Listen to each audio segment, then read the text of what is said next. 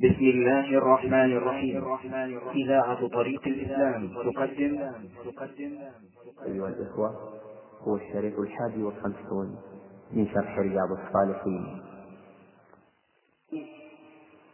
في سياق حديث معاوية بن الحكم رضي الله عنه الذي تقدم الكلام على أول حتى بلغنا إلى قوله رضي الله عنه قلت يا رسول الله إني حديث عهد بجاهلية وإن الله تعالى قد جاء بالإسلام.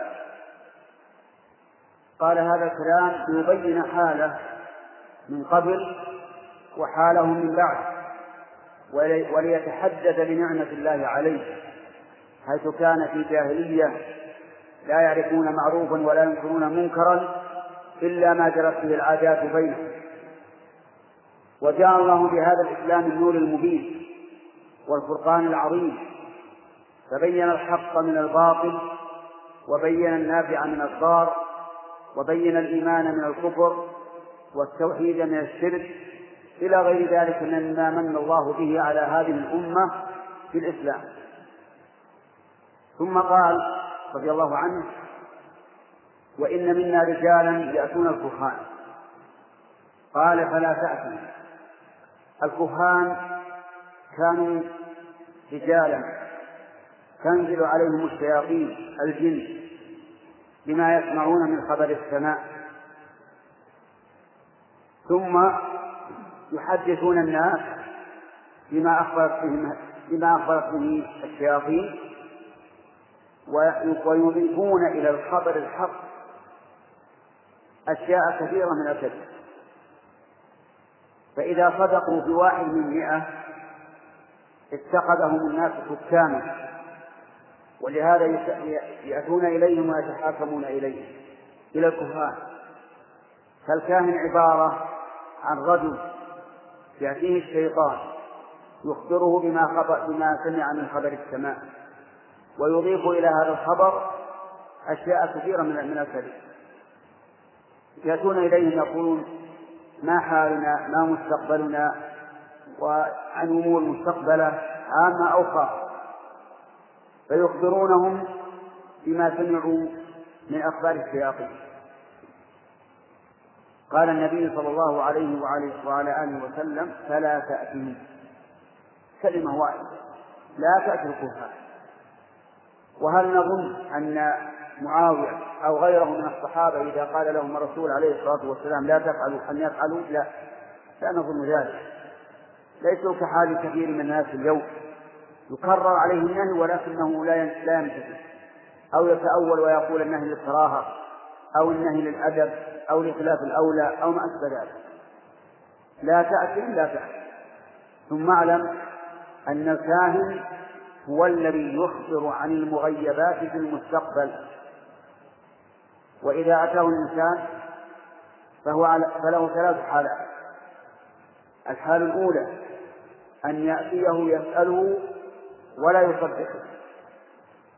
فهذا ثبت في صحيح مسلم أنه لا تقبل له صلاة أربعين يوما.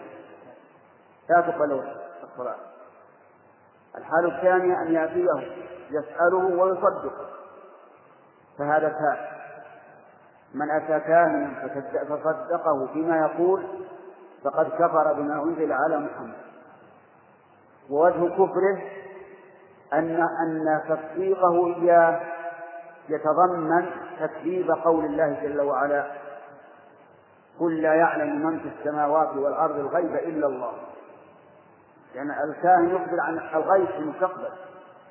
فإذا صدقته فمضمونه أنه تكذيب لهذه الآية فيكون كفرا. ولهذا جاء في الحديث من أتى كاهنا فصدقه يعني فسأله فصدقه بما يقول فقد كفر بما أنزل على محمد. الحال الثالثة أن يسأل الكاهن ليكذبه وإنما يسأله اختبارا فهذا لا بأس به. وقد سأل النبي صلى الله عليه وسلم وعلى آله وسلم سأل ابن حجاج عما أضمر له فقال الدخ يعني الدخان. قال له النبي عليه الصلاة والسلام اخسأ فلن تعدو قدره فإذا سأله ليفضحه ويكشف كذبه وحاله للناس فإن ذلك لا بأس به بل قد يكون محمودا مطلوبا لما في ذلك من إبطال الباطل. ثم سأله سؤالا آخر ومنا رجال يتطيرون. ومنا رجال يتطيرون. قال ذاك شيء يجدونه في صدورهم فلا يصدنه. التطير التشاؤم في الأشياء. هذا التطير أن الإنسان يتشاءم. وكان العرب يتشاءمون أكثر ما يتشاءمون في الطيور. الطير يهيج الطير فإذا طار إن انصرف يمينا فله حال أو يسارا فله حال أو اتجه أماما فله حال أو رجع فله حال حسب اصطلاحات العرب وخرافاتهم فكانوا يتطيرون يعني يجعلون الطيور هي التي تمضيهم أو تردهم. إذا طار الطير مثلا على اليسار قال هذا ما لا أساء إذا صار يمينا قال هذا سفر مبارك. اليمين من اليمن والبركة. امشي وهكذا اصطلاحات عندهم. فكانوا يتشاءمون. أكثر ما يتشاءمون في الطيور وربما يتشاءمون في الأيام وربما يتشاءمون في الشهور وربما يتشاءمون فيما يسمعون من الأصوات وربما يتشاءمون حتى في الأشخاص. حتى أنه يوجد الآن أناس إذا خرج من بيته أول ما يخرج ثم لاقاه شخص قبيح المنظر قال خلاص هذا اليوم يوم سوء وتشاءم وإذا أول ما يلقاه رجل جميل الوجه قال هذا اليوم يوم خير. فتفاءل. فقال النبي عليه الصلاة والسلام هذا شيء يجدونه في صدورهم فلا تسدنه والإنسان إذا ركن إلى التطير تنقصت عليه حاله. وربما يسمعه الجني ما يكره ليبقى دائما في غم وهم. ولكن لا تتشاءم كان العرب يتشاءمون في شهر شوال في النكاح. يقول اللي يتزوج في شهر شوال ما يوفق. هكذا يقول العرب. فكانت عائشة رضي الله عنها تقول تزوجني النبي صلى الله عليه وسلم في شوال. عقد عليها في شوال. ودخل بها في شوال فتقول أيكم أحظى إليه مني؟ لا شك أن عائشة أحب النساء إليه بعد أن تزوجها.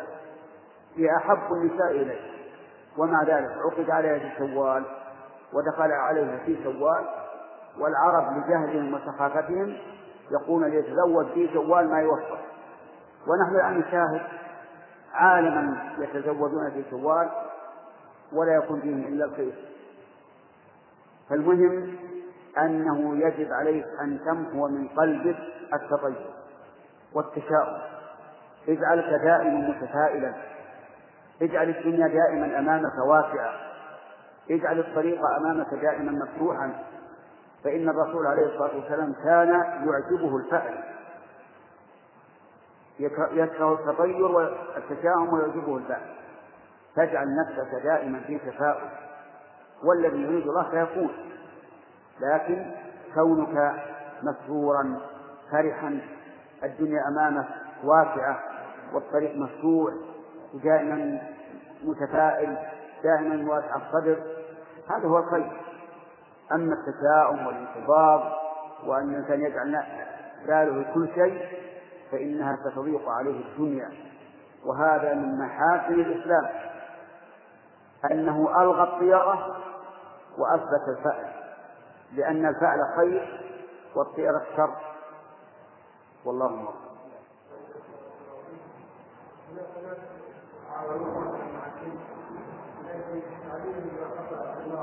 نعم. هذا ليس من الكهانة. هذا ليس من الكهانة ولكن لا بد أن ينظر ما الذي وصله بهذا الجن ثم الجن أيضا هل كل جني عدل؟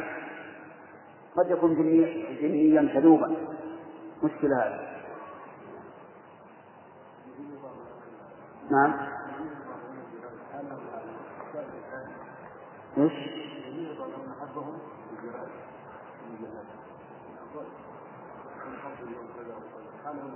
نفس التطير اللي يتطير بالجرائد أو بالمجلات أو بالصحف.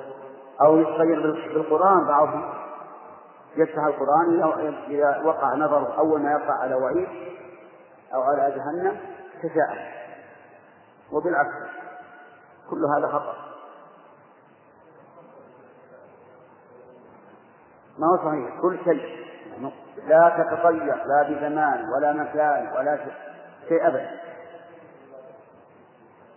وش يقول؟ أي هذه ينفيها هذه ينفيها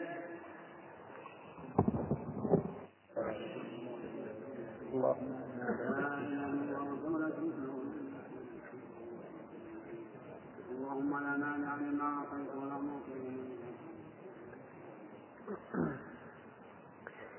بسم الله الرحمن الرحيم. الحمد لله رب العالمين والصلاة والسلام على نبينا محمد وعلى آله وصحبه أجمعين.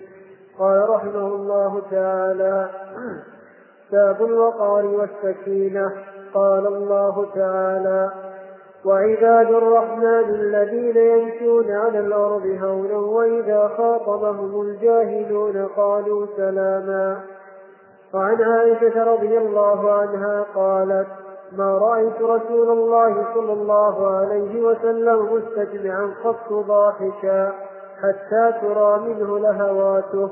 إنما كان يتبسم. متفق عليه. النووي رحمه الله في كتابه رياض الصالحين. باب الوقار والسكينة. الوقار هو هيئة يتصف بها العبد يكون وقورا بحيث إذا رآه من يراه يحترم ويعظمه والسكينة هي عدم الحركة الكثيرة وعدم الصيد بل يكون ساكنا في قلبه في جوارحه في مقاله. ولا شك أن هذين الوصفين الوقار والسكينة أنهما من خير الخصال التي يمن الله بها على العبد لأن ضد ذلك أن يكون الإنسان لا شخصية له ولا هيبة له وليس وقورا بل هو هين قد وضع نفسه ونزله. وكذلك السكينة ضدها أن يكون الإنسان كثير الحركات كثير التلفت. لا يرى عليه أثر في سكينة قلبه ولا قوله ولا فعله. فإذا من الله على العبد بذلك فإنه ينال بذلك خلقين كريمين. ومن وضد ذلك أيضا أو ومن ضد ذلك العجلة. أن يكون الإنسان عجولا لا يتحرى ولا يتأنى ليس له هم إلا أن القيل والقال الذي نهى عنهما رسول الله صلى الله عليه وعلى آله وسلم. فقد كان ينهى عن قيل وقال وكثرة السؤال وإضاعة المال فإذا كان الإنسان ليس متأنيا ولا متثبتا في الأمور حصل منه زلل كثير. وصار الناس لا يثقون بقوله وصار عند الناس من من القوم الذين يرد حديثهم ولا ينتفع به.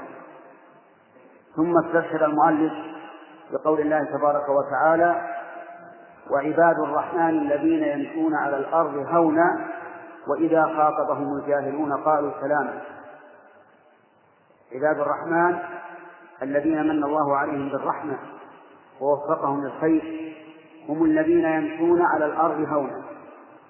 يعني إذا رأيتهم رأيت رجلا في مشيته وقار بدون أن يعجل عجلة تقبل. وإذا خاطبهم الجاهلون قالوا سلاما. يعني قالوا قولا يسلمون به من شره. وليس المعنى أنهم يقولون سلام لا. إذا خاطبه الجاهل قال قولا يسلم به من شره.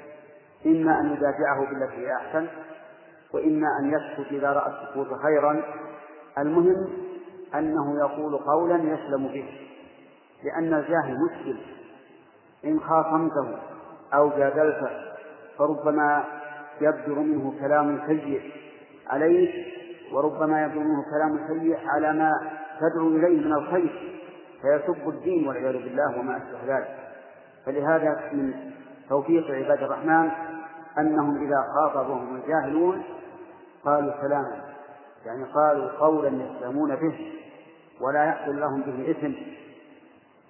وكذلك من أوصافهم ما ذكروا في آخر الآيات والذين لا يشهدون الزور يعني لا يشهدون القول الكذب ولا الفعل القبيح وإذا مروا باللغو الذي ليس فيه خير ولا شر مروا كراما أي سالمين منه. وذلك أن الأشياء إما خير وإما شر وإما لغو. فالشر لا يشهدونه واللغو يسلمون منه يمرون به كراما والخير يركعون فيه. ثم ذكر حديث عائشة رضي الله عنها أن النبي صلى الله عليه وسلم لم يستجمع ضاحكا تبدو منه لهواته يعني ليس يضحك ضحكا فاحشا يفتح فمه حتى تبدو لهاته ولكنه صلى الله عليه وسلم يتبسم أو يضحك حتى تبدو نواجذه أو تبدو, تبدو, تبدو أنيابه لكن بتبسم لا بقهقهة حتى يفتح فمه وترى منه لهوات يعني لها. فإن وهذا من وقار النبي صلى الله عليه وعلى آله وسلم. ولهذا تجد الرجل كثير الكركرة الذي إذا ضحك قهقه وفتح فاه تجده يكون هينا عند الناس وضيعا عنده ليس له وقار.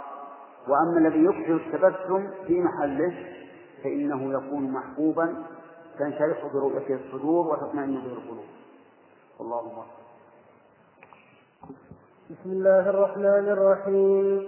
الحمد لله رب العالمين والصلاة والسلام على نبينا محمد وعلى آله وصحبه أجمعين.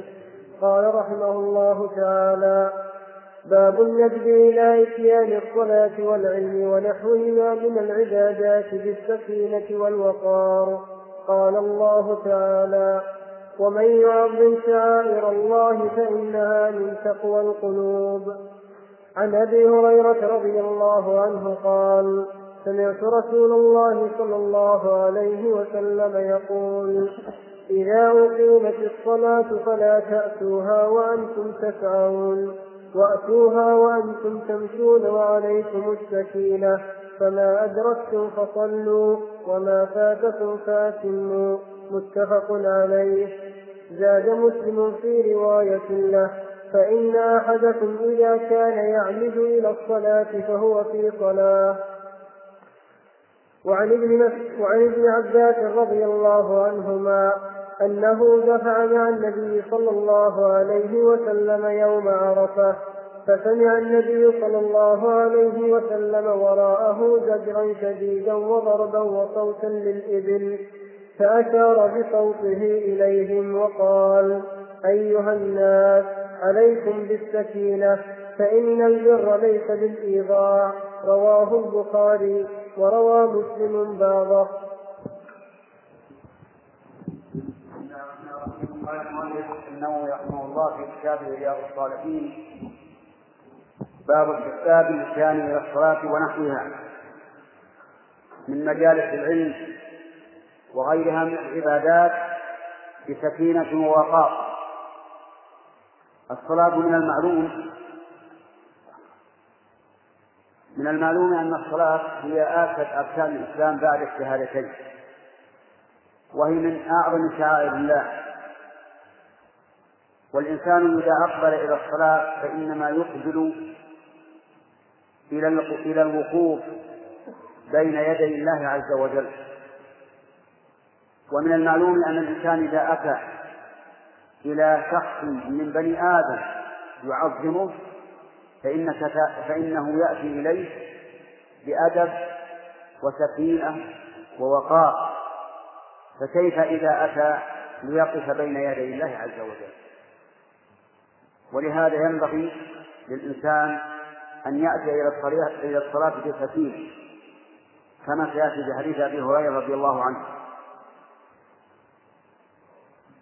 ثم استدل المؤلف رحمه الله بهذا الباب بقوله تعالى ذلك ومن يعظم شعائر الله فإنها من تقوى القلوب.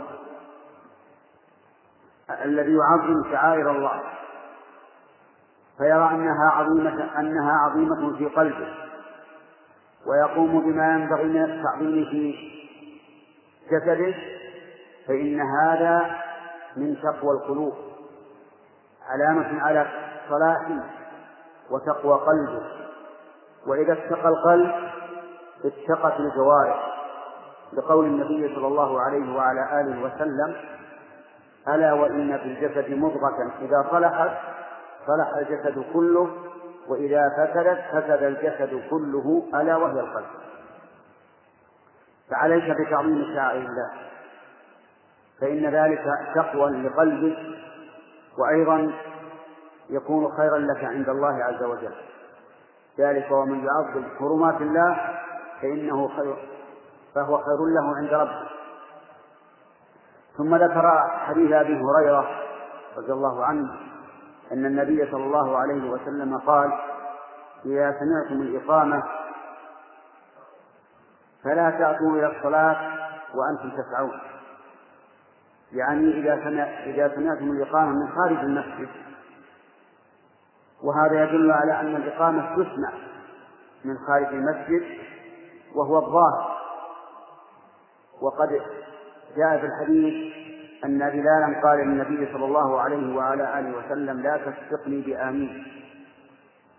مما يدل على أنه يقيم في مكان يسمعه الناس.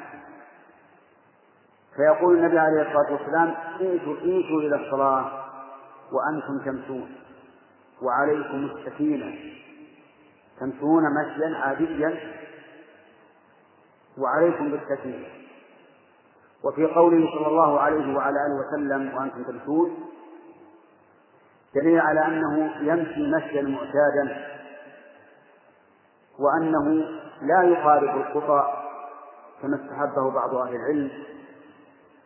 فإن قول النبي عليه الصلاة والسلام لم يخطو خطوة إلا رفع الله له بها درجة لا يعني أنه يخالف الخطى لكن يمشي مشيه المعتاد بدون إشراف.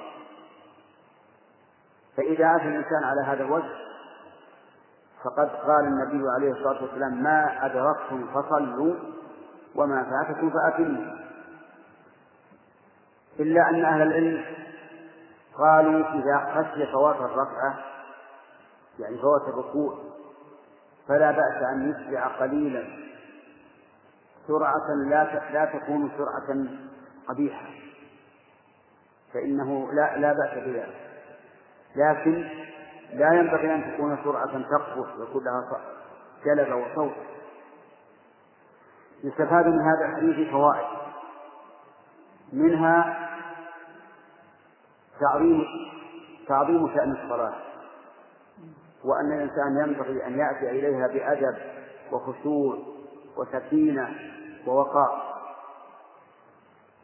ومنها أنه لا بأس أن تسمع الإقامة من خارج المسجد. وعلى هذا فإذا أقام المؤذن في الميكروفون ليسمع من كان خارج المسجد فلا بأس. وإن كان بعض الناس قد اعترض على هذا وقال إنه إذا أقام من خارج المسجد تكاثر الناس وصاروا لا يحضرون إلا إذا سمعوا الإقامة وربما تفوتهم الركعة الأولى أو يفوتهم أكثر حسب قربهم من المسجد وبعدهم منه. ولكن ما دام الأمر قد صار مثله في عهد الرسول عليه الصلاة والسلام وأن الإقامة تسمع من الخارج فإننا نرى أنه لا بأس به. لكن الشيء الذي يخشى منه الإثم ما يفعله بعض الناس فينقل الصلاة نفسها عبر الميكروفون من المنارة فإن هذا يشوش على من حوله. لا سيما في صلاة الليل في الصلاة الجهرية. يشوش على أهل البيوت ويشوش على المساجد القريبة. حتى إننا سمعنا بعض الناس إذا سمع الميكروفون من مسجد قريب وكان الإمام حسن الصوت والقراءة صار المأموم الذي في هذا المسجد يتابع بقلبه الإمام الذي في المسجد الثاني. حتى سمعنا أن بعضهم أمن لما قال المسجد الثاني ولا الضالين قالوا هؤلاء آمنوا. وهذا ليس ببعيد لأن القلب إذا انشغل بشيء أعرض عن غيره. فإذا كانوا يتابعون قراءة المسجد المجاور وكانت قراءة الإمام جيدة في الصوت والأداء فإن القلب قد يذهل عن الإمام الذي بين يديه. وقد ثبت في موقع الإمام مالك رحمه الله أن النبي صلى الله عليه وعلى آله وسلم خرج ذات الليلة وأصحابه في المسجد يصلون ويجهرون بالقراءة. فقال عليه الصلاة والسلام لا يؤذين بعضكم بعضا في القراءة. فجعل هذا أذية ونهى عنه. والواقع شاهد بذلك. ولهذا نحن نرى أن الذين يفعلون هذا يؤدون الصلاة من على من على المنارة عبر الميكروفون.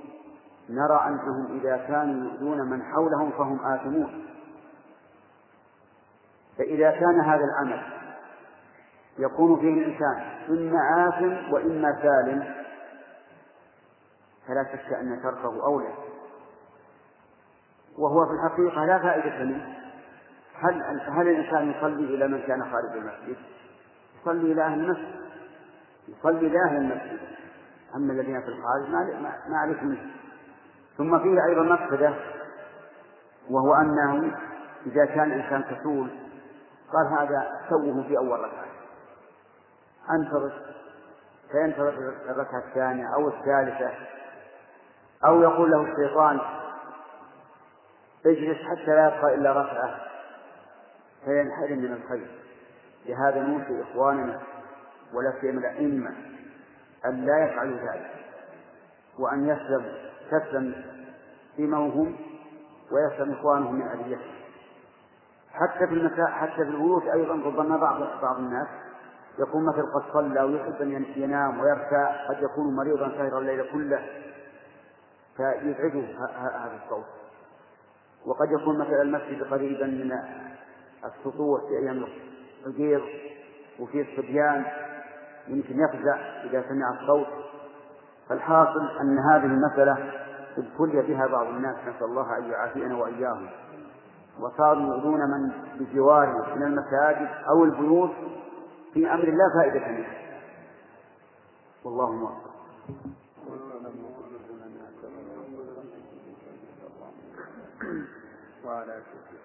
بسم الله الرحمن الرحيم.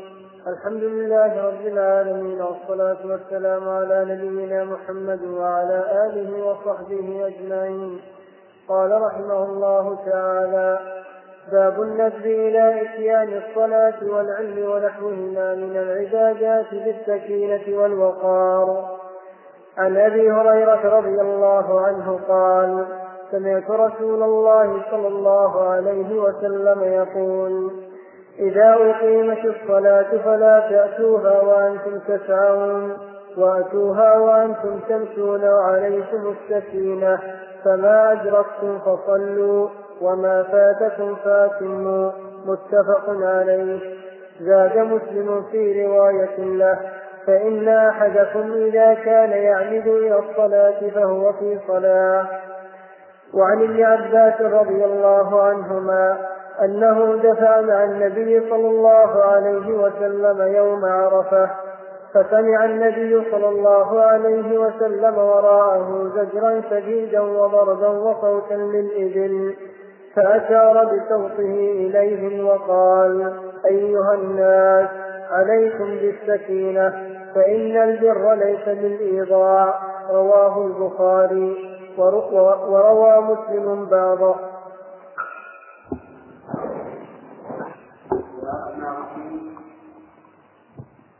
قال المؤلف رحمه الله تعالى فيما نقله عن أبي هريرة رضي الله عنه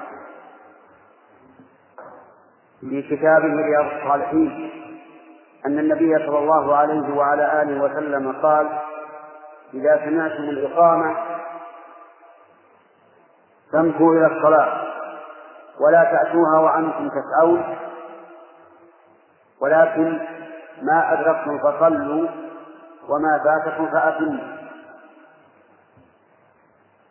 وزاد عن مسلم فإن الإنسان إذا عمد إلى الصلاة فإنه في صلاة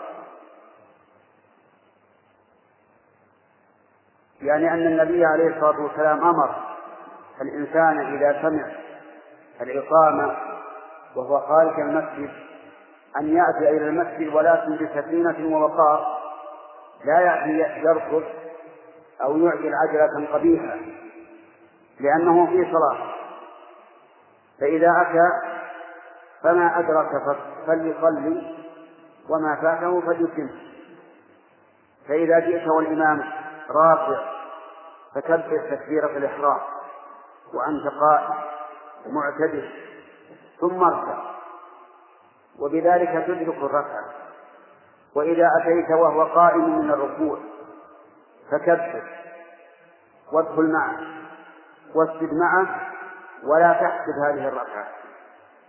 لأن الإنسان إذا إذا لم يدرك ركوع الإمام فاتته الركعة.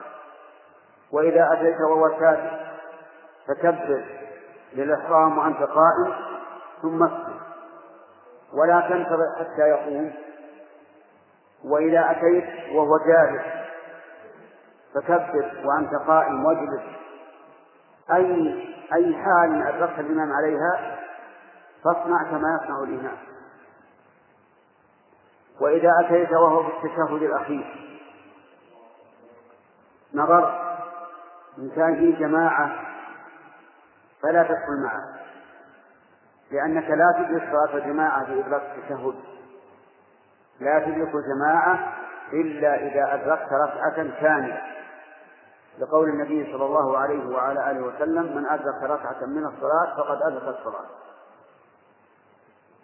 وإذا لم يكن معك جماعة أو لا يمكنك أن تدرك مسجدا آخر فادخل معه ولو في التشهد ولا تحسب هذا شيئا لأنه فاتك الركوع. وفي قوله صلى الله عليه وعلى آله وسلم فأتموا. دليل على أن المسبوق إذا قام يقضي فإنه يقضي آخر صلاته لا أولا فإذا أدرك الركعتين الأخيرتين من الظهر مثلا وقام يقضي فإن الركعتين التي اللتين يقضيهما هما آخر صلاته فلا يزيد على الفاتحة لأن الركعتين الأخيرتين السنة أن لا يزيد فيهما على الفاتحة. وأما حديث ابن عباس رضي الله عنهما أن النبي صلى الله عليه وعلى آله وسلم دفع من عرفة فسمع وراءه جلبة وضربا وزجرا للإبل وأصوات الإبل ترغب لأنهم كانوا في الجاهلية إذا دفعوا من عرفة أسرعوا إسراعا عظيما يبادرون النهار قبل أن يظلم الجو. فكانوا يضربون الإبل ضربا شديدا. فقال النبي صلى الله عليه وسلم أومأ إليهم بصوت معه أيها الناس السكينة السكينة. أو قال عليكم بالسكينة. يعني الطمأنينة والهدوء. فإن البر ليس بالإيضاع يعني أن البر والخير ليس بالإيضاع أي ليس بالإسراع والإيضاع نوع من السير سريع ففي هذا دليل على أن الإنسان لا ينبغي له أن يسرع إذا تقدم إلى أماكن العبادة لأن الذين يدفعون من عرفة يتجهون إلى مزدلفة إلى عبادة. وبهذا يتم المؤلف رحمه الله ما ترجم به حيث قال يأتي إلى الصلاة ومجالس العلم وغيرها من أنواع من العبادة بسكينة فإذا أتيت إلى مجالس العلم والخير فكن ساكنا وقورا مهيبا حتى لا تذل أمام الناس. ويكون تعظيمك لهذه المجالس من تعظيم الله عز وجل. والله موفق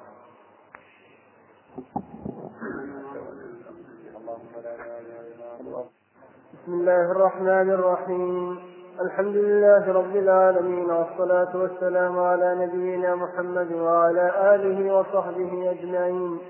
قال رحمه الله تعالى باب إكرام الضيف. قال الله تعالى هل أتاك حديث ضيف إبراهيم المكرمين؟ إذ دخلوا عليه فقالوا سلاما. قال سلام قوم منكرون. فراغ إلى أهله فجاء بعجل سمين فقربه إليهم قال ألا تأكلون؟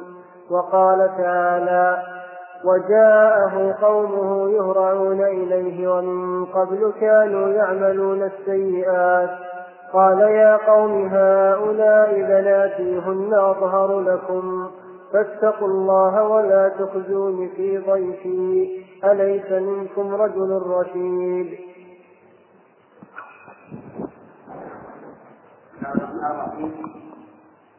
قال النووي رحمه الله في كتابه رياض الصالحين باب إكرام الضيف. الضيف هو الذي ينزل بك مسافرا لأجل أن تتلقاه بالإيواء والطعام والشراب وما يحتاج إليه. والضيافة خلق فاضل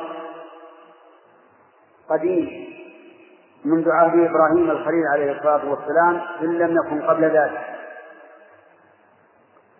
وسيذكر المؤلف إن شاء الله في الأحاديث أحاديث متعددة حول إكرام الضيف وأن إكرامه من الإيمان بالله واليوم الآخر. ولكنه رحمه الله كعادته يبدأ بالآيات الكريمة لأن القرآن مقدم على السنة فهو كلام الله والحديث كلام رسول الله صلى الله عليه وعلى آله وسلم وكلاهما حق يجب تصديقه إن كان خبرا وامتثاله إن كان طلبا. فبدأ في الآيات رحمه الله فقال هل أتاك حديث ضيف إبراهيم المكرمين؟ هل أتاك الاستفهام هنا للتسويق من أجل أن ينتبه المخاطب ويسترع انتباهه؟ والخطاب في قوله هل أتاك إما للرسول صلى الله عليه وآله وعلى آله وسلم وإما له وللأمة لكل من يصح خطابه. هل أتاك ضيف إبراهيم المكرمين إذ دخلوا عليه فقالوا سلاما إلى آخره وهؤلاء الضيف ملائكة. أرسلهم الله عز وجل إلى إبراهيم ثم إلى لوط. وقولها المكرمين يعني الذين أكرمهم. إبراهيم عليه الصلاة والسلام. إذ دخلوا عليه فقالوا سلاما قال سلام. قال العلماء إن قولهم سلاما يعني نسلم سلاما وأن قوله سلام يعني عليكم سلام. والثانية أبلغ من الأولى لأن لأن المشروع لمن حيي بتحية أن يحيي بأحسن منها أو بمثلها كما قال تعالى وإذا حييتم بتحية فحيوا بأحسن منها أو ردوها وإنما كانت الثانية أبلغ من الأولى لأن الأولى جملة فعلية والثانية جملة اسمية تفيد الثبوت والاستمرار. ثم قال قوم منكرون ولم يقل أنتم قوم لأن أنتم صريح في الخطاب. وهذا قد يكون مستشعا عند بعض الناس فكان من حسن معاملته لضيفه أن قال قوم منكرون. وقوم لو أخذناها هكذا لكان يمكن أن يكون التقدير هم قوم أو أنتم قوم أو هؤلاء قوم. ليست في الصراحة كقوله أنتم قوم. فلهذا حذف المبتدأ وصارت قوم منكرون. ومعنى كونهم منكرين أنه لا يعرفهم لأنهم أول مرة يلتقي به فراغ إلى أهله وكان عليه الصلاة والسلام كريما. ومعنى راغ أي ذهب بخفية وسرعة إلى أهله إلى بيته فجاء بعجل سمين. جاء بعجل وهو صغار البقر لأن لحمه شرس ولذيذ وكونه سمينا يكون أحلى للحمه وأطيب. وفي الآية الأخرى أنه حنيذ أي محنوذ يعني مشوي لم يخرج من طعمه شيء. وهذا ألذ ما يكون من اللحم. فقربه إليهم ولم يضعه عنه عنهم بعيدا فيقول تقدموا إلى الطعام. ولكن هو الذي قربه لئلا يكون عليهم عناء ومشقة ومع ذلك لم يقل كلوا ما أمرهم أمر قال ألا تأكلون. وهذا عرض وليس بأمر. وهذا أيضا من حسن معاملته للضيوف ثم إن هؤلاء الضيوف ذهبوا إلى لوط بصورة شبان مرد جميلين فتنة وكان قوم لوط والعياذ بالله قد ابتلوا بداء اللواء وهو إتيان الذكر الذكر. فلما ذهبوا إلى لوط انطلق بعضهم إلى بعض يخبر بعضهم بعضا. ويقول جاء إلى لوط مرجان شبان جميلون فجاءوا إليه يهرعون إليه يسرعون. ومن قبل كانوا يعملون السيئات يعني كانوا يعملون الفاحشة وهي اللواط. قال هؤلاء بناتي هن أطهر لكم فاتقوا الله ولا تخشوني في غيره قال بعض العلماء هؤلاء بنات يشير إلى بنات القوم. ما هو بناته هو الخاصة بناته بصلبه ولكنه يعني بذلك بنات بنات قومه لأن النبي لقومه بمنزلة الأب له. قال كأنه يقول عندكم النساء. وهذا كقوله في آية أخرى أتأتون الذكران من العالمين؟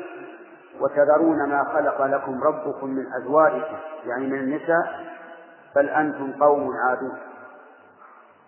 المهم أنه عليه الصلاة والسلام قال لهم اتقوا الله ولا تخشوه وقوله هؤلاء بناتي هن أطهر لكم.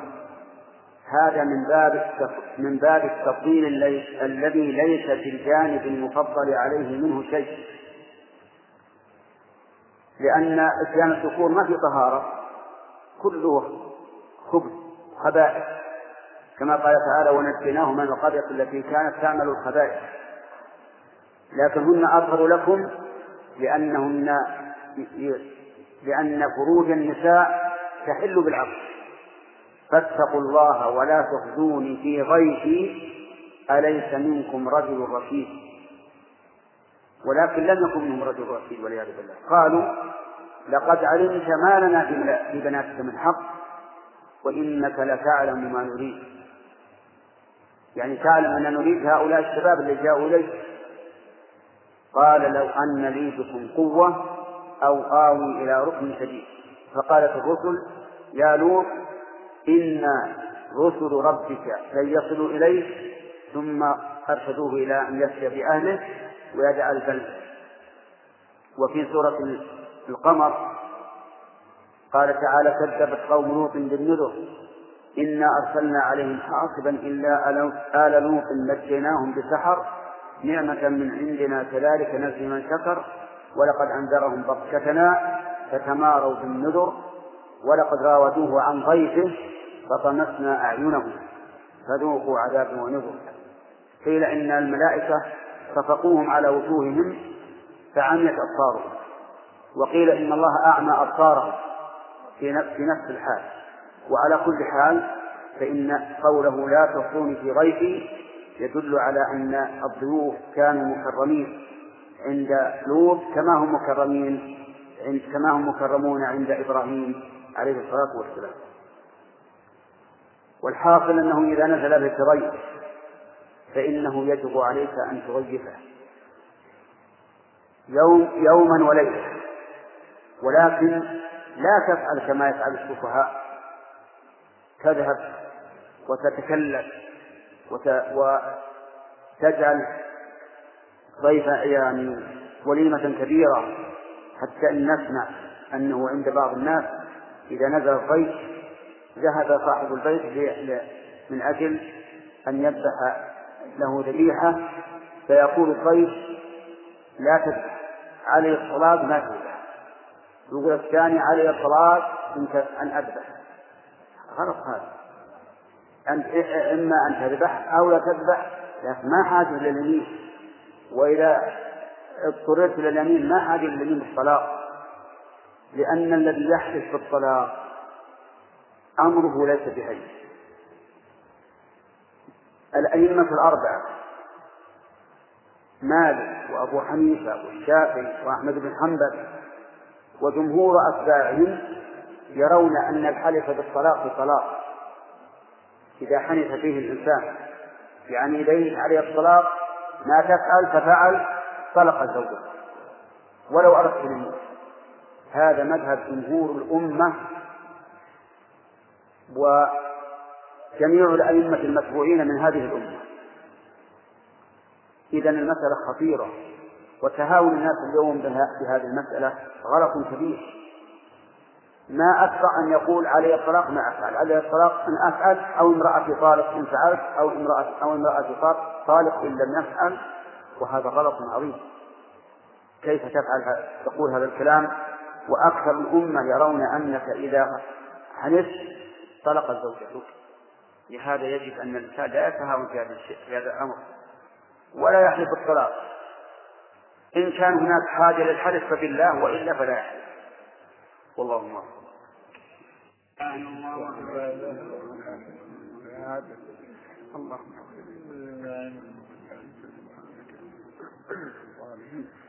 بسم الله الرحمن الرحيم. الحمد لله رب العالمين والصلاة والسلام على نبينا محمد وعلى آله وصحبه أجمعين. نقل المؤلف رحمه الله تعالى في سياق الأحاديث في باب إكرام الضيف.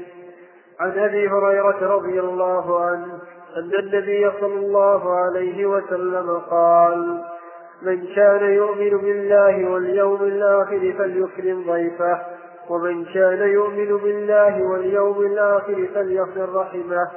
ومن كان يؤمن بالله واليوم الآخر فليقل خيرا أو ليصمت. متفق عليه. وعن خويلد وعن خويلد بن عمرو الخزاعي رضي الله عنه قال سمعت رسول الله صلى الله عليه وسلم يقول من كان يؤمن بالله واليوم الآخر فليكرم ضيفه جائزته. من كان يؤمن بالله واليوم الآخر فليكرم ضيفه جائزته. قالوا وما جائزته يا رسول الله؟ قال يومه وليلته والضيافة ثلاثة أيام. فما كان وراء ذلك فهو صدقة. متفق عليه. وفي رواية لمسلم لا يحل لمسلم أن يقيم عند أخيه حتى يؤتمه. قالوا يا رسول الله وكيف يؤتمه؟ قال يقيم عنده ولا شيء له يقريه به.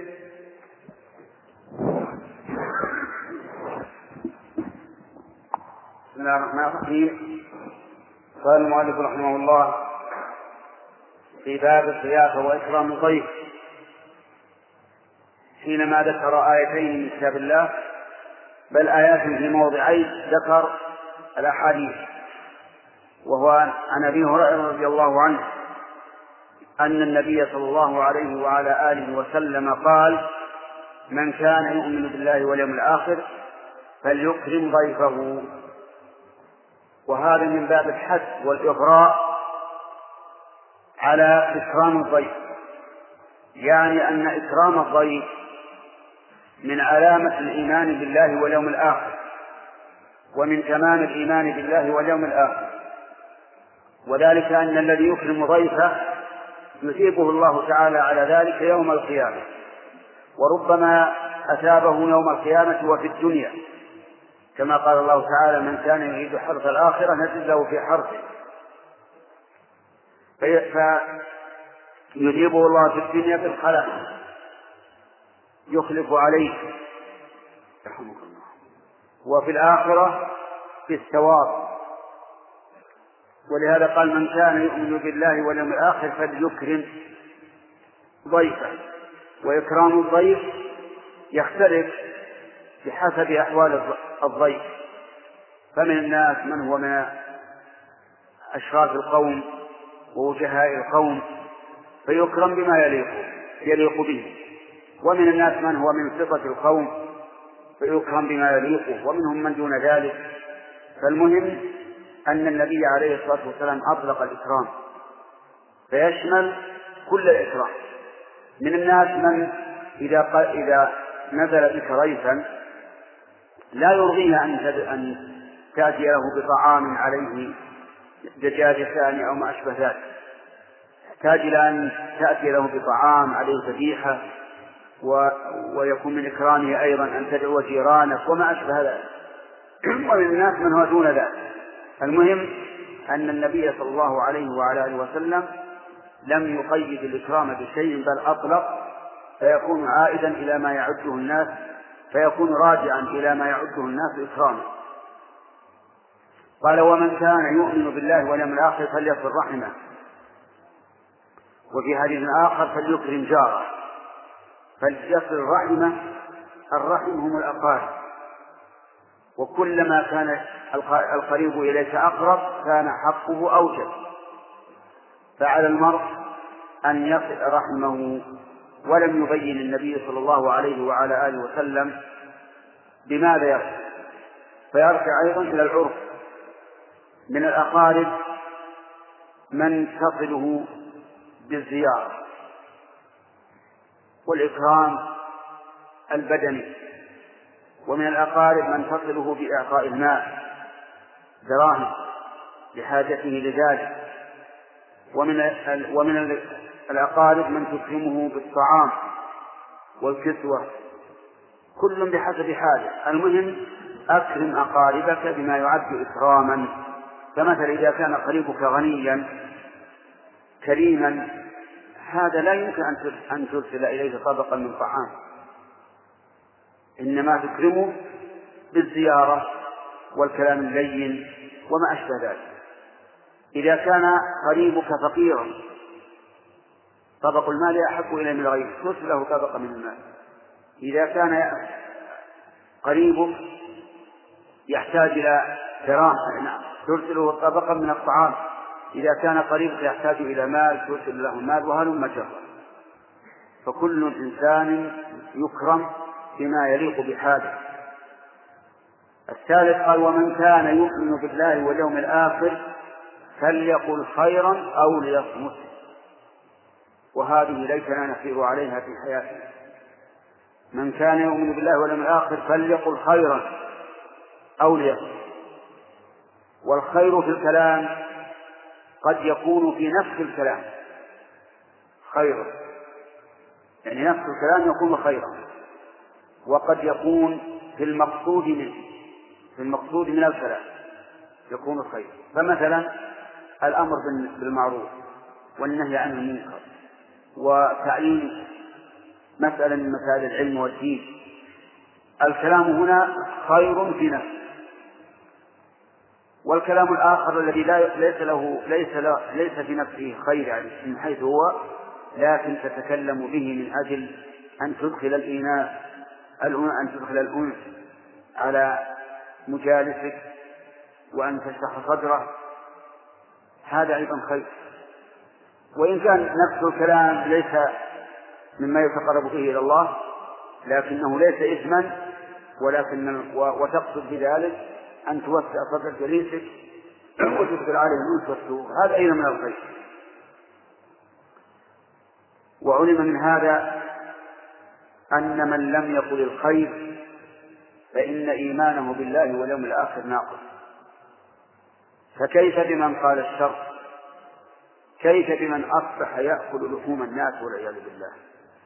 ويسعى, ويسعى بينهم بالنميمة ويكذب ويغش بل كيف من أصبح يؤلب على أهل العلم ويسب أهل العلم ويذمهم بأمر هم فيه أقرب إلى الصواب مما يدعي أو مما يظن فإن هذا أعظم وأعظم لأن الكلام في أهل العلم ليس كالكلام في عامة الناس الكلام في عامة الناس ربما يجرح الرجل نفسه لكن الكلام في أهل العلم جرح في العلماء وجرح فيما يحملونه من الشريعة لأن الناس لن يثقوا بهم إذا كثر القول فيهم والخوض فيهم. ولهذا يجب عند كثرة الكلام وخوض الناس في أمر من الأمور يجب أن يحرص الإنسان على كف لسانه وعلى عدم الكلام. حتى لو سئل يقول نسأل الله الهداية نسأل الله أن يهدي الجميع نسأل الله أن يجعل الخير في الواقع وما أشبه ذلك. أما أن يتكلم ويطلق لسانه في أمور ليس لها أصل البتة فهذا من عدم الإيمان بالله والإسلام لا يكفر الإنسان لكن إيمانه ناقص لأن النبي صلى الله عليه وعلى آله وسلم قال من كان يؤمن بالله واليوم الآخر فليقل خيرا أو ليصمت وكما قيل إذا كان الكلام من فضة فالسكوت من ذهب. وقيل أيضا في الحكمة الصمت حكمة وقليل فاعله. وقيل أيضا من صمت نجا ومن تكلم فهو على خطر. فلهذا إلزم الصمت. إلا في شيء ترى أنه خير فالخير مطلوب. والله موفق بسم الله الرحمن الرحيم. الحمد لله رب العالمين والصلاة والسلام على نبينا محمد وعلى آله وصحبه أجمعين. قال رحمه الله تعالى باب استحباب التبشير والتهنئة بالخير. قال الله تعالى فبشر عباد الذين يستمعون القول فيتبعون أحسنه. وقال تعالى يبشرهم ربهم برحمة منه ورضوان وجنات لهم فيها نعيم مقيم. وقال تعالى وأبشروا بالجنة التي كنتم توعدون. وقال تعالى فبشرناه بغلام حليم. وقال تعالى ولقد جاءت رسلنا إبراهيم بالبشرى. وقال تعالى وامرأته قائمة فضحكت فبشرناها بإسحاق ومن وراء إسحاق يعقوب. وقال تعالى فنادته الملائكة وهو قائم يصلي في المحراب أن الله يبشرك بيحيى. وقال تعالى إذ قالت الملائكة يا مريم إذ قالت الملائكة يا مريم إن الله يبشرك بكلمة منه بكلمة منه اسمه المسيح عيسى ابن مريم والآيات في الباب كثيرة معلومة. قال المؤلف رحمه الله تعالى في كتابه رياض الصالحين باب البشارة بالخير والتهنئة به. البشارة تكون في الأمور التي تسر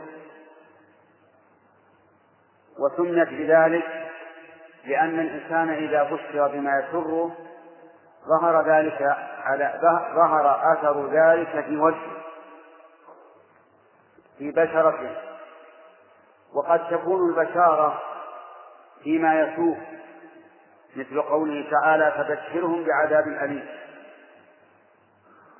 والبشارة فيما يسر تكون بشارة فيما يسر في الآخرة وفيما يسر في الدنيا. أما البشارة فيما يسر في الآخرة فكثيرة ذكرها الله في القرآن في مواضع كثيرة. مثل قوله تعالى وبشر الذين آمنوا وعملوا الصالحات أن لهم جنات تجري من تحتها الأنهار. وقوله لهم البشرى في الحياة الدنيا وفي الآخرة. وقوله يبشرهم ربهم برحمة منه ورضوان. وجنات لهم فيها نعيم مقيم. خالدين فيها أبدا. إن الله عنده أجر عظيم. وقال تعالى لهم البشرى في الحياة الدنيا وفي الآخرة. وقال الله تبارك وتعالى وأخرى تحبونها نصر من الله وفتح قريب وبشر المؤمنين. هذا كله فيما يتعلق بأمور الآخرة. ومن ومن ومن الأمور التي تبشر بخير في أمور الآخرة الرؤيا الصالحة. يراها الرجل أو ترى له. مثل أن يرى إنسان رؤيا فيقال له مثلا في المنام بشر فلانا بأنه من أهل الجنة. فيبشره. هذه بشرى. كذلك أيضا الإنسان إذا رأى من نفسه أنه ينقاد للخير والعمل الصالح ويرغب فيه ويحبه وأنه يكره الشر فهذه أيضا بشرى. لأن الله قال فأما من أعطى واتقى وصدق بالحسنى فسنيسره لليسرى وأما البشارة فيما يتعلق بأمر الدنيا فمثل قوله تعالى عن إبراهيم الخليل فبشرناه بغلام عليم وفي آية أخرى فبشرناه بغلام حليم والذي بشر به في الآية الأولى غير غير الذي بشر به في الآية الثانية. اللي فيها فبشرناه بغلام عليم هذا إسحاق. واللي فيها فبشرناه بغلام حليم هذا إسماعيل. إسحاق أبو بني إسرائيل. لأن ابنه يعقوب ويعقوب هو إسرائيل هو إسرائيل الذي من ذريته موسى وعيسى عليهما الصلاة والسلام. وأكثر الأنبياء المذكورين في القرآن كلهم من ذرية إسرائيل. أما الذي ذكر الله فبشرناه بغلام حليم وهي التي في سورة الصافات فهذا إسماعيل أبو العرب. وليس من وليس من ذريته رسول إلا رسول واحد لكنه ختم جميع الرسالات وبعث إلى الناس كافة من من بعثة إلى يوم القيامة. وغيره من الأنبياء يبعث إلى قومه خاصة. هذا هذا الرسول الذي من بني إسماعيل هو محمد صلوات الله وسلامه عليه. فالله بشر إبراهيم بغلامين حليم وعليم. من الحليم؟ لا الحليم إسماعيل. والعليم إسحاق. وكذلك قال تعالى عن امرأة إبراهيم وامرأته قائمة فضحكت فبشرناها بإسحاق ومن وراء إسحاق يعقوب. هذا أيضا بشارة للأنثى. فالحاصل أن البشارة تكون في أمور الآخرة وفي أمور الدنيا. وينبغي للإنسان أن يكون متفائلا مستبشرا بالخير وأن لا يرى الدنيا أمامه كالحة مظلمة. فيستحسر ويقنط. وينبغي للإنسان أيضا إذا حصل له خير أن يهنأ به وأن يبشر به إذا كان مستقبلا. يهنأ بالخير إذا وقع ويبشر بالخير في المستقبل بشر أخاك أدخل عليه. حتى مثلا لو رأيت إنسان مغتم قد ضاقت عليه الدنيا وتكالبت عليه الأمور فقل له أبشر بشر. لأن لأن النبي صلى الله عليه وسلم يقول واعلم أن النصر مع الصبر وأن الفرج مع الكرب. وأن مع العسر يسرا هذا كلام الرسول عليه الصلاة والسلام. لا ينطق له فإذا رأيت أخاك مكروبا فقل له أبشر. الفرج قريب. إذا رأيته في عسرة قل أبشر. اليسر قريب. وكما قال ابن عباس رضي الله عنهما قال لن يغلب عسر يسرين. لن يغلب عسر يسرين. أين العسر واليسران؟ في ألم نشرح لك صدرك. فإن مع العسر يسرا. إن مع العسر يسرا. العسر ذكرت مرتين واليسر ذكرت مرتين. لكن حقيقة الأمر أن العسر لم يذكر إلا مرة واحدة. واليسر ذكر مرتين. لماذا؟ قال العلماء إذا تكررت الكلمة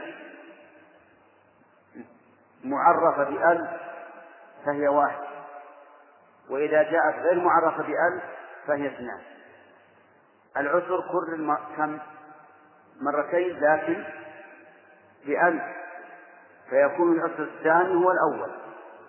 اليسر كرر مرتين لكن بدون ألف فيكون اليسر الثاني غير اليسر الأول. ولهذا قال ابن عباس رضي الله عنهما لن يغلب عسر يسرين. أدخل السرور على أخيك المكروه قل له انتظر الفرج كلما اشتد في الأمور فانتظر الفرج. ربما تكره النفوس من الأمر له فرجة كحل العقال يقال إن الحجاج بن يوسف الثقفي الحجاج بن يوسف الثقفي رجل معروف. نسأل الله أن يعفو عنه. رجل ظالم. ظالم يقتل الناس بغير حق. تكلم عنده أحد الناس وقال له كلمة استنكرها الحجاج وكان الحجاج جيدا في اللغة العربية هو الذي شكل القرآن هو اللي شكل القرآن وهذه من حسناته وإن كان له سيئات كثيرة لكن نرجو الله أن يعفو عنه. قال قال له الحجاج ليس هذا في اللغة العربية. فعله ما تأتي في اللغة العربية. قال هذا الناس من الأعراب كان يأخذون يأخذون اللغة في الأول من الأعراب لأن الأعراب في البادية ما ما ما ليسوا في المدن والمدن دخل فيها الفرس الذين أسلموا والروم تغير اللسان. قال له روح عند الأعراب شاهد من كلام العرب يدل على أن فعله موجودة في اللغة العربية. ولك مهلة كذا وكذا. فإن لم تأتني فأنا أضرب عنقك. ذهب الرجل مكروبا والحجاج ينفذ ما يقول. وذهب يطلب يطلب من الأعراب فسمع أعرابيا يقول ربما تكره النفوس من الأمر له فرجة كحل العقاب. ففرح بها فرحا عظيما. وجاء بها إلى الحجاج فبينما هو في الطريق قيل له إن الحجاج قد مات. فقال والله ما أدري أنا أشد فرحا بهذه الكلمة التي وجدتها عند الأعرابي أو بموت هذا الرجل. فالحاصل فاته فرجة هذا الرجل. ربما تكره النفوس من الأمر له فرجة كحل العقاب. المهم أن الإنسان ينبغي له أن يدخل البشرى والسرور على إخوانه حتى يفرحوا وينشطوا ويؤملوا وينتظروا الفرج نسأل الله أن يجعلنا وإياكم ممن له البشرى في الحياة الدنيا وفي الآخرة.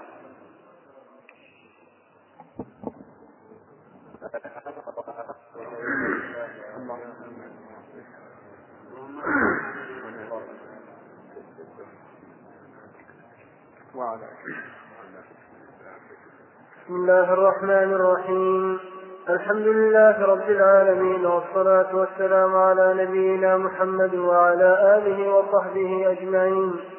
نقل المؤلف رحمه الله تعالى في سياق الأحاديث في باب استحباب التبشير والتهنئة بالخير.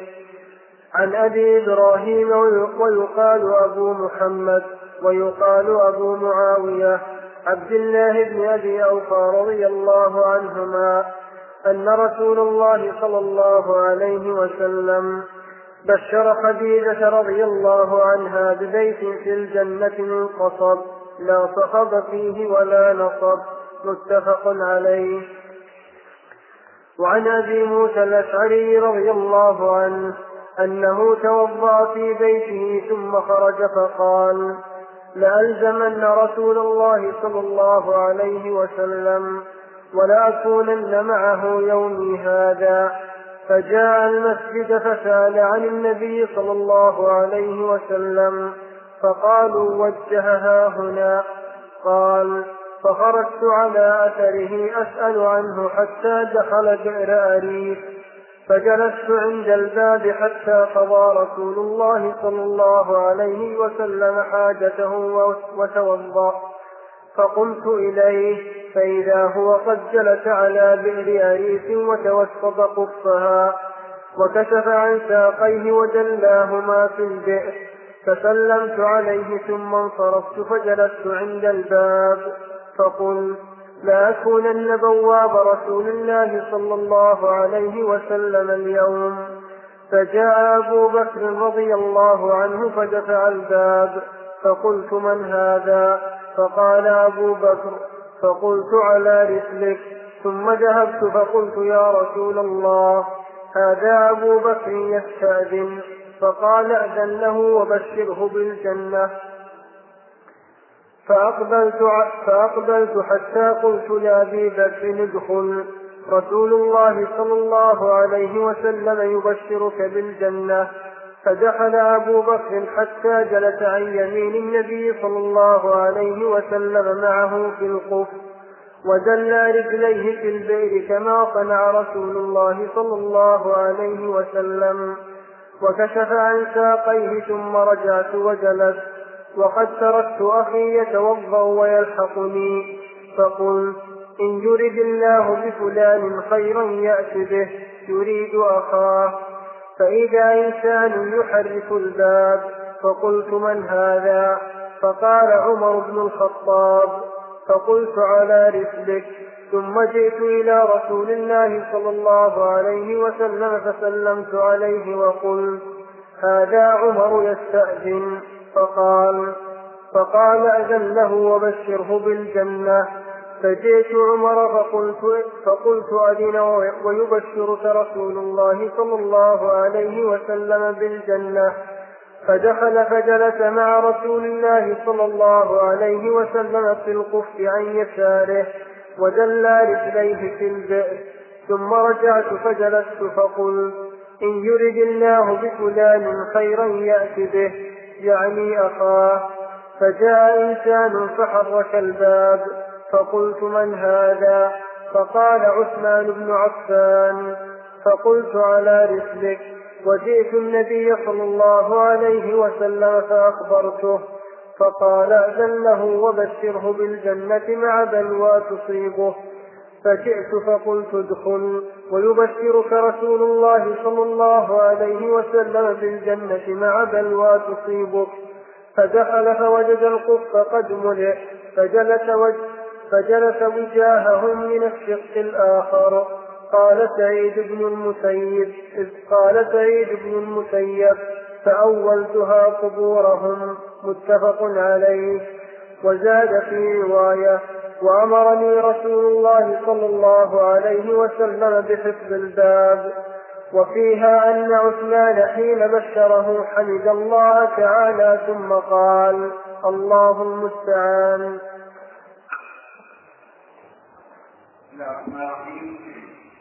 ذكر المؤلف رحمه الله في باب استحباب التبشير بالخير والتهنئة به. آيات سبق الكلام عليها وبينا أن البشارة قد تكون في بخير في الدنيا أو بخير في الآخرة. ثم ذكر حديثين. حديث أبي إبراهيم عبد الله بن أبي أوفى رضي الله عنه أن النبي صلى الله عليه وآله وسلم بشر خديجة رضي الله عنها ببيت في الجنة. وكذلك حديث أبي موسى الأشعري وسيأتي إن شاء الله. ليس فيه يقول ببيت في الجنة من قصر ليس فيه صخب ولا نصب. ولكن القصب الذي بني منه قصر خديجة في الجنة ليس كالقصب الذي في الدنيا. الاسم غير الاسم والحقيقة غير الحقيقة. الاسم هو الاسم والحقيقة غير الحقيقة. كما أن في الجنة نخل ورمان وفاكهة ولحم طير وغير ذلك لكن الاسم هو الاسم والحقيقة غير الحقيقة. وهذا هذا باب يجب على الإنسان أن يتفطن له أن أمور الغيب التي لها نظير في الدنيا لا لا تماثل نظيرها في الدنيا. فمثلا في صفات الله عز وجل لله عز وجل وجه كريم موصوف بالجلال والإكرام. أفترون أنه مثل وجوهنا؟ لا يختلف. كما قال تعالى ليس كمثله شيء وهو السميع البصير. وجه يليق بجلاله وعظمته لا يمكن الإحاطة به لا وصفا ولا تصورا بالذهن ولا نطقا باللسان. وأعظم وأجل من أن تحيط به الأوصاف. وهكذا بقية صفاته عز وجل. اسمها يوافق الاسم الذي نتصف به ولكن المعنى غير المعنى آه، ولكن الحقيقة غير الحقيقة. كذلك أيضا في الجنة فيها قلت عسل وماء وخمر ولحم ونساء وطي وفاكهة ورمان وغير ذلك لكن ليست كالذي في الدنيا لأن الله سبحانه وتعالى قال في القرآن الكريم فلا تعلم نفس ما أخفي لهم من قرة أعين. ولو كانت مثل ما في الدنيا لكنا نعلمها لكنها ليست مثلها ولا قريبا منها. وكذلك قال قال النبي صلى الله عليه وعلى آله وسلم فيما يرويه عن الله أنه قال أعددت لعبادي الصالحين ما لا عين رأت ولا أذن سمعت ولا خطر على قلب بشر نسأل الله أن يجعلنا وإياكم ممن أعد الله لهم ذلك. فخديجة رضي الله عنها بشرها النبي صلى الله عليه وسلم بواسطة جبريل هو الذي أخبر الرسول بشرها ببيت في الجنة من قصب. ولكن ليس القصب الذي في الجنة كالقصب الذي في الدنيا ولا القصب الذي في الدنيا كالقصب الذي في الجنة. ثم قال ليس فيه صخب ولا نار صخب الأصوات المزعجة الشديدة ليس فيها صخب أهل الجنة كلهم ليس عندهم صخب ولا نصر ولا كلام لغو لا لغو لا لغو فيها ولا تأثير ليس تحيتهم فيها كلام كلامهم طيب لأنهم جوار الطيب جل وعلا فهم طيبون في جنات عدن مساكن طيبة عند الطيب جل وعلا كلهم طيب كما أن قلوبهم في الدنيا طيبة وأفعالهم طيبة لأن الله لا يقبل إلا الطيب وأفعالهم مقبولة فهم كذلك في الآخرة. فبيت أو, أو فقصر خديجة ليس فيه صخب وليس فيه نصب ما في تعب لا يحتاج إلى كنف القمامة ولا غيره. كله طيب. وهذه بشارة لأم المؤمنين خديجة رضي الله عنها. أم المؤمنين خديجة هي أول امرأة تزوجها النبي صلى الله عليه وعلى آله وسلم. تزوجها وهو عليه الصلاة والسلام ابن خمس وعشرين سنة ولها أربعون سنة من زوج سابق قبله وولدت له بناته الأربع وأولاده الثلاثة أو الاثنان ولم يتزوج عليها أحدا حتى ماتت رضي الله عنها وكانت امرأة عاقلة ذكية حكيمة لها مآثر طيبة معروفة يجدها من يراجع ترجمتها في التاريخ. وكانت تسامي عائشة رضي الله عنها. يعني أنها هي وعائشة أفضل نساء الرسول عليه الصلاة والسلام وأحب نسائه إليه. واختلف العلماء أيهما أفضل. فقيل عائشة وقيل خديجة والصحيح أن لكل واحدة منهما مزية تختص بها لا تشاركها فيها الأخرى. عائشة رضي الله عنها في آخر الرسالة وبعد موت الرسول عليه الصلاة والسلام لها من نشر الرسالة والعلم والشريعة ما ليس لخديجة وخديجة لها في أول الرسالة ومناصرة النبي صلى الله عليه وعلى آله وسلم ومعارضته ما ليس لعائشة لكل واحدة منهما مزية. أما الفضيلة فكفى بهما فخرا أنهما أحق نساء النبي صلى الله عليه وعلى آله وسلم إليه. يكفي هذا. وأما الفضائل فكل واحدة لها فضيلة. فعائشة رضي الله عنها لها من المزايا ما أشرنا إليه من قبل وخديجة لها من المزايا ما أشرنا إليه من قبل. وأما الفضل عند الله عز وجل فيكفي كما قلت أنهما أحب نساء النبي صلى الله عليه وعلى آله وسلم إليه. ويذكر أن رجلا من أهل السنة ورجلا من الرافضة. الرافضة يبغضون يبغضون عائشة بغضا شديدا والعياذ بالله. وأهل السنة يحبون عائشة والرافضة يغلون في خديجة غلوا شديدا خارجا عن الشر. يبغضون هذه بغضا شديدا أي عائشة ويغلون في خديجة غلوا شديدا. وأهل السنة والجماعة يحبونهما جميعا ويعترفون بالفضل لهما جميعا لعائشة وخديجة. تنازع رافضي وسني الرافض يقول من من من الأفضل؟ خديجة والسني يقول الأفضل عائشة. على قول بعض العلماء بعض علماء السنة يقول إن عائشة أفضل ويطلق القول بأن عائشة أفضل. والصحيح ما أشرت إليه أولا أن كل واحدة منهما لها مزية فتقدم الرجلان إلى ابن الجوزي رحمه الله صاحب التبصرة المعروف قال قالوا إننا ارتضيناك حكما. أيهما أفضل خديجة أو عائشة؟ قال أفضلهما من كانت ابنته تحته. وأنا أخطأ علي وأبو بكر المفاضلة في علي وأبي بكر. أنا أقول عائشة وخديجة والصواب في علي وأبي بكر. ارتفعوا إلى ابن الجوزي رحمه الله قال أفضلهما من كانت ابنته تحته. من الأفضل؟ الآن؟ الكلام مكتمل. من ابنته تحته؟ إن أراد من ابنته تحت النبي صلى الله عليه وسلم فالأفضل أبو بكر. وإن أراد من ابنته الرسول تحته فالأفضل عبد.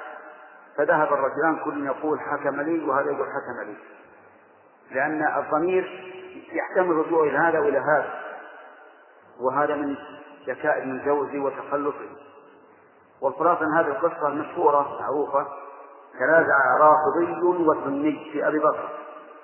الرافضي يقول علي أخ وأبو بكر والسني يقول أبو بكر أفضل. ولا شك أن أبا بكر أفضل. في إجماع أهل السنة. حتى علي بن أبي طالب يقول على منبر الكوفة خير هذه الأمة بعد نبيها أبو بكر ثم عمر. يعلن بإعلان في خلافه. لا يخشى أحدا. لكن الرافضة تحرف الكلمة عن مواضعه. فذهبوا إلى ابن جوزي وقال أفضلهما من كانت ابنته تحته. ابنة من؟ إن كان المراد ابنته أي ابنة هذا المفضل عليه أو المفضل تحت الرسول فهو أبو بكر. إن كان من ابنة الرسول تحته فهو علي. وابن الجوزي رحمه الله من أهل السنة. لا شك أنه يفضل أبا بكر لكن أتى بهذا الكلام المحتمل حتى يسلم من شر هذا الرافض والله أعلم. الحمد لله رب العالمين والصلاة والسلام على نبينا محمد وعلى آله وصحبه أجمعين.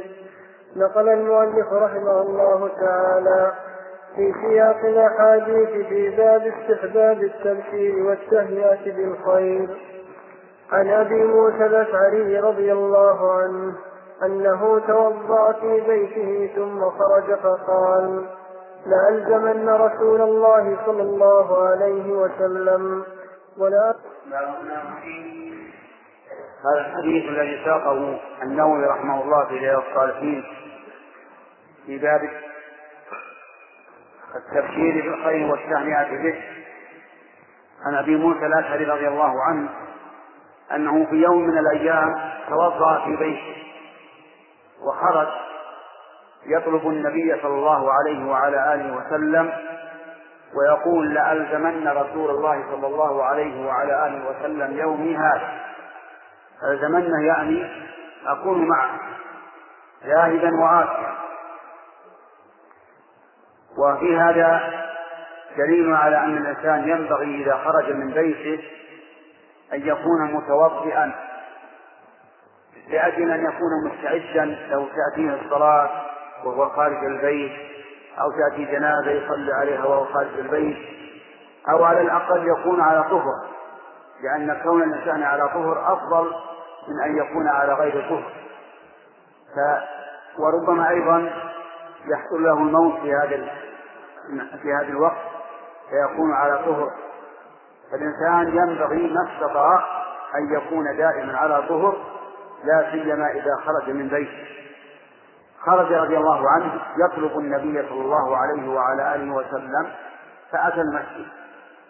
لأن الرسول عليه الصلاة والسلام إما في المسجد وإما في بيته في مهنة أهله وإما في مصالح أصحابه عليه الصلاة والسلام. فلم يجده في المسجد فسأل عنه فقالوا وجه هنا وأشاروا إلى ناحية إلى ناحية أريد وهي بئر حول قبى فخرج أبو موسى بإثره حتى وصل إلى البئر. فوجد النبي صلى الله عليه وسلم هنالك فلزم الباب رضي الله عنه. وتوضأ النبي صلى الله عليه وسلم قضى حاجته وتوضأ ثم جلس على البئر على قص البئر يعني على حافته ودل رجليه وكشف عن ساقيه. والظاهر والله أعلم أنه كان ذلك الوقت في حرب وهذا البئر فيه ماء والماء قريب وحوله الأشجار والنخل والظلال. وعادة أن الإنسان إذا حصل له مثل ذلك فعل مثل هذا الفعل يعني أنه يكشف عن ساقيه ليبرز يأتيه من من برودة الماء الذي في البئر. وفي هذا الظل فجلس عليه الصلاة والسلام متوسطا للقف أي حافظ البئر ودل رجليه وكشف عن ساقيه. وكان أبو موسى على الباب يحفظ الباب أي باب البئر. فاستأذن أبو بكر رضي الله عنه. ولكنه لم يأذن أبو موسى حتى يستشير النبي صلى الله عليه وعلى آله وسلم. فقال فقال للنبي صلى الله عليه وسلم هذا أبو بكر يستأذن. فقال ائذن له وبشره بالجنة. فأذن له وقال له يبشرك رسول الله صلى الله عليه وسلم بالجنة. ويا له من بشارة الأنصار يبشره بالجنة ثم يأذن له أن يدخل ليكون مع الرسول صلى الله عليه وعلى آله وسلم. فدخل فوجد النبي صلى الله عليه وسلم متوسطا القفر فجلس على اليمين. لأن النبي صلى الله عليه وسلم يعجبه التيامن في كل شيء جلس على يمين أبي بكر وصنع مثل ما صنع النبي صلى الله عليه وسلم. دل البئر وكشف عن ساقيه. كراهة أن يخالف النبي صلى الله عليه وسلم في هذه الجلسة أو في هذه الجلسة. وإلا فليس من المشروع أن الإنسان يقف على يجلس على بئر ويذلل الشيء ويكشف الساقين لكنه لا يحب أن يجلس مع النبي صلى الله عليه وسلم على غير الهيئة التي كان النبي صلى الله عليه وسلم عليها. فقال أبو موسى وكان قد ترك أخاه يتوفى ويلحقه. قال إن يريد الله به خيرا يأتي به. وإذا جاء واستأذن فقد يحصل له أن يبشر بالجنة. ولكن استأذن الرجل الثاني فجاء أبو موسى إلى الرسول عليه الصلاة والسلام وقال هذا عمر؟ قال أذن له وبشره بالجنة. فأذن له وقال له يبشرك رسول الله صلى الله عليه وسلم بالجنة. فدخل فوجد النبي صلى الله عليه وسلم وأبا بكر على القف فجلس عن يسار الرسول عليه الصلاة والسلام. والبئر ضيق من الواسع كثيرا. فهؤلاء الثلاثة كانوا في جانب واحد. ثم دخل عثمان استأذن عثمان وصنع أبو موسى مثل ما صنع في الأول. فقال النبي صلى الله عليه وآله وسلم ائذن له وبشره بالجنة مع بلوى تصيبه فأذن له وقال يبشرك النبي صلى الله عليه وعلى آله وسلم بالجنة مع بلوى تصيبك فاجتمع في حقه نعمة وبلوى. فقال رضي الله عنه الحمد لله. اللهم المستعان اللهم المستعان على هذه البلوى والحمد لله على هذه البشرى.